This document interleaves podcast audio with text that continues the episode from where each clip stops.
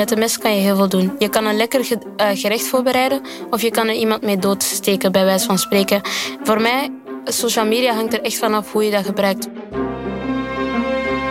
Je luistert naar de eerste aflevering van Midzomernachtcast. Deze vijfdelige podcast is gemaakt naar aanleiding van de voorstelling Midzomernachtsdroom van toneelgroep Oostpol. De voorstelling is een ode aan fysiek contact, liefde, feest en kunst en alles wat erbij komt kijken. Kortom, alles wat we de afgelopen paar jaar hebben gemist. Mijn naam is Vinnie Taylor en ik spreek voor deze podcast met Anouk Keizer en Amazonia Munguia. Anouk is verbonden aan de Universiteit van Utrecht en doet hier als experimenteel psycholoog onderzoek naar de effecten van lichamelijk contact. En Amazonia is student media en business in Mechelen. Zij maakte de documentaire Social Issues, waarin ze de impact van social media op jongeren onderzoekt. Amazonia en Anouk, fijn dat jullie er zijn. In deze aflevering praten we over digitaal contact. Um, Amazonia, jij besloot op je vijftiende, echt, ik, ik herhaal het, hè, op je vijftiende, dat je geen gebruik meer wilde maken van sociale media. En dit was ook nog een bewuste keuze. En ik ken veel 15-jarigen, want ik werk ook met jongeren. En die 15-jarigen zouden je allemaal voor gek verklaren. Dat is waar. ja. Vertel, wat, wat zat erachter? Ik zat dus in het derde middelbaar en ik dacht bij mezelf van... Het kan toch niet zijn dat wij jongeren enkel met dit beeld van sociale media moeten opgroeien. Het kan toch niet zijn met dit onrealistisch beeld van imperfecties die nooit haalbaar zijn, dat wij daarmee, dat dat ons wereld, enigste wereldbeeld is waarmee wij moeten opgroeien. En toen dacht ik van, kijk, ik wil niet voor de rest van mijn leven terugkijken op mijn jeugd en denken van, ik ben altijd met team mentality opgegroeid. Ik moet meer hebben, ik moet er zo uitzien, ik moet mij vergelijken met andere mensen, of ik moet andere mensen te niet doen om mij beter te voelen over mezelf. Dus ik had gewoon echt bewust besloten om anders op te groeien en gewoon volledig op mezelf te focussen. Ja, ik vind het best een een gedachtegang voor een 16-jarige? ah, misschien kan het ook omdat ik gewoon, uh, doordat ik zo met het geloof bezig was, zocht ik eigenlijk een beetje de essentie van het leven. Van wat brengt het leven mij? Waarom ben ik hier op aarde? En hoe kan ik hier een impact maken op deze aarde, zeg maar. En hoe reageerden je leeftijdsgenoten? Want ineens was je ja, eigenlijk ze verklaarden mij voor gek. Ja, want in deze tijd, als het niet op social media bent, dan ben je er gewoon niet. Dus ja, klopt. toen was je er niet meer. Klopt. Ik las wel elke dag het nieuws, dus ik wist een paar trends. Maar ehm, er was eh, dus een foto van een ei die het meest geliked was. Ik heb het eigenlijk moeten ontdekken op de speelplaats, want ik wist dat natuurlijk niet. Sorry, een foto van een ei? Ja, een foto van een ei. Ik weet niet meer welk jaar dat, dat was. een foto van een ei die de meeste likes ter wereld heeft gehaald. Meer dan Kylie Jenner, meer dan alle celebrities. Dus toen heb ik dat eigenlijk ontdekt op de speelplaats. En toen dacht ik van, wow, eigenlijk mis ik wel veel op social media. Maar het boeit me eigenlijk helemaal niet. Nee, dat ei kon je eigenlijk ook helemaal niet schelen. Ja, het kon me wel schelen, omdat het wel iets was van... Kijk, het, het was niet makkelijk of zo. Want ik weet dat sociale media... Ik weet nog dat ik 13 jaar was. Ik hamerde bij mijn vader van... Alsjeblieft, mag ik Facebook? Iedereen heeft het. Echt waar. Iedereen heeft het, alsjeblieft. Hij wou het niet doen, maar ik zei... Alsjeblieft, alsjeblieft. Ik, ik ga heel flink zijn. Dus ik heb echt gehamerd oh. op social media. Gewoon om drie jaar later dan zelf de, de stekker uit te trekken. Ja. Je zei, je hebt niet echt iets gemist. Maar geef nou eens één klein dingetje wat je nou misschien wel had gemist op social media. Mm, de afleiding. Oké. Ja. Dus stel je voor, uh, je hebt niks te doen. Dan pak je je telefoon en dan, dan snap je. en nu ben je echt verplicht om je tijd nuttig te vullen, snap je?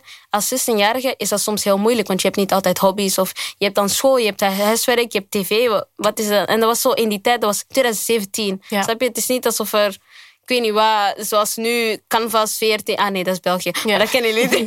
dat is zo, bijvoorbeeld Netflix was er nog niet in op, snap je? Netflix bestond misschien wel, maar daar wist ik helemaal niks van. Dus ik was echt verplicht om mijn tijd deftig te vullen en gewoon aan mezelf te werken. Ja, oké. Mhm. En toen je ermee was gestopt, was, wat was nou het grootste verschil tussen jouw beleving en dat van je klasgenoten?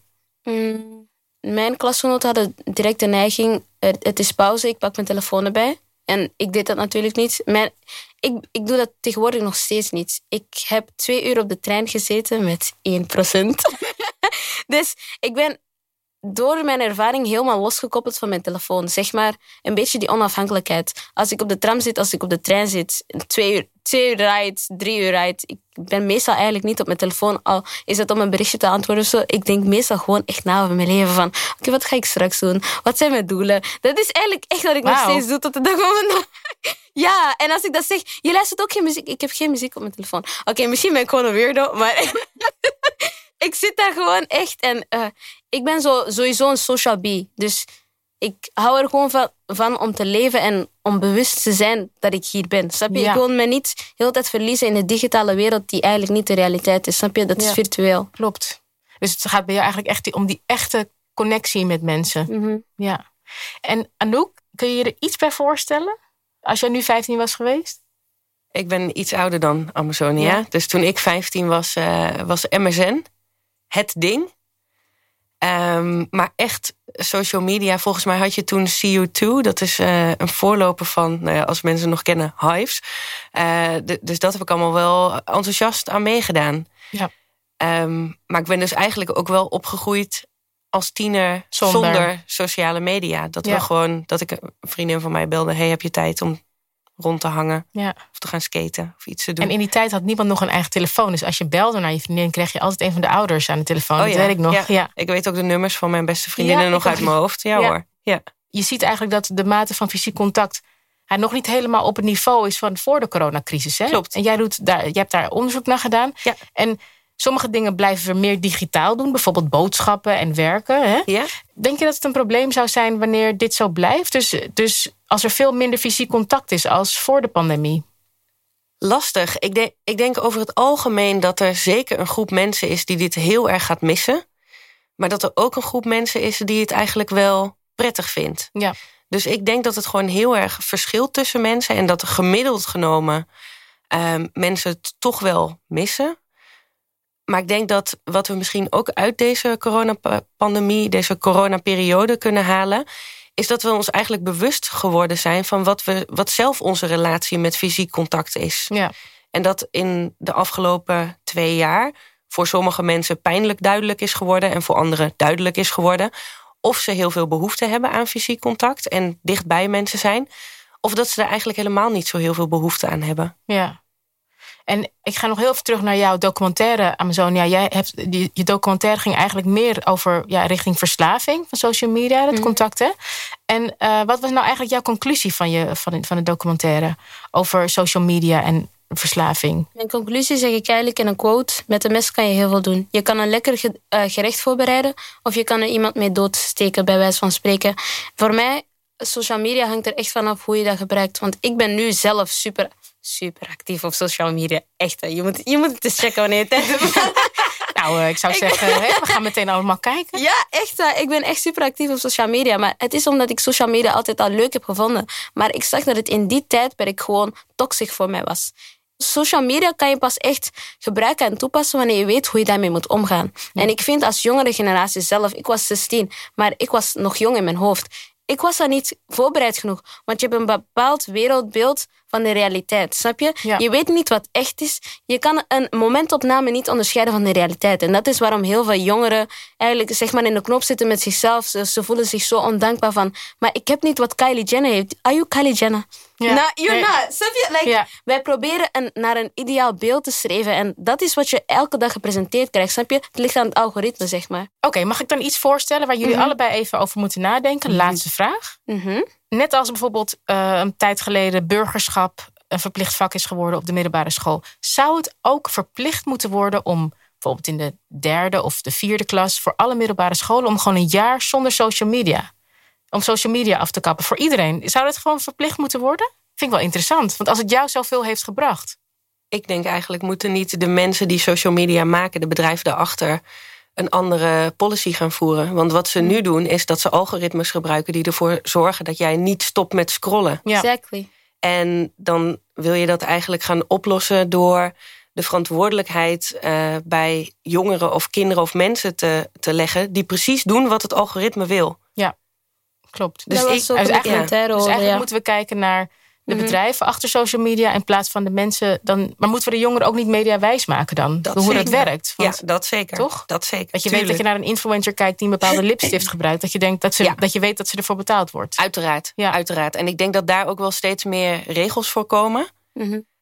Maar ik denk dat het ook goed zou zijn als de, de grote social media bedrijven een keer naar zichzelf kijken. Of regels opgelegd krijgen. Ja, maar ze, op, zullen, uh, ja, ze zullen er veel aan doen om toch um, zoveel mogelijk mensen zo lang mogelijk op hun platform. En hoe ik het altijd zeg is dat hun eigenlijk geld verdienen met jouw tijdverspilling. Dus alle tijd die jij... Mooi. ja, snap je? Hun, hun verdienen eigenlijk geld met jouw tijdverspilling. De tijd dat jij scrolt, de tijd dat jij eigenlijk vijf uur lang... Ik heb één dag op TikTok gezeten, ik heb het nooit meer gedaan. Nooit, nee, nooit meer. Tot vijf uur s ochtends. Ik Oh. heb die app dezelfde dag nog verwijderd. Ik hou niet van als een app de controle heeft over mij. Ja. En dat is wat telefoons tegenwoordig hebben. Als ik de tram binnenstap, ziet iedereen zo. Hoofd naar beneden Hoofd gebogen. naar beneden, Net zoals die koptelefoon. Facebook-sign eigenlijk. Echt. Ja. Het is alsof het echt alsof de bedoeling was sinds day one. Maar het is inderdaad wat Anouk zei van... Die mensen hebben dat echt gemaakt op een manier dat, dat het de bedoeling is dat jij daar zo lang mogelijk op blijft. Snap je? Ja. Dus eigenlijk de conclusie is: het is wel heel belangrijk. Je moet weten hoe je ermee om moet gaan. Maar eigenlijk ligt, moeten we heel goed kijken naar de bedrijven die erachter zitten. En mensen media wijs maken. Mhm. Sowieso de jongeren. Ja. Ja, misschien is het, eh, het, waarschijnlijk is het al wel een topic, maar iets als digitale ethiek Ja. zou misschien eh Zou beter zijn. zou- aandacht aan. In België hebben we dat sowieso al wel. dat zou dan denk ik beter zijn dan mijn idee om iedereen gewoon af te kappen.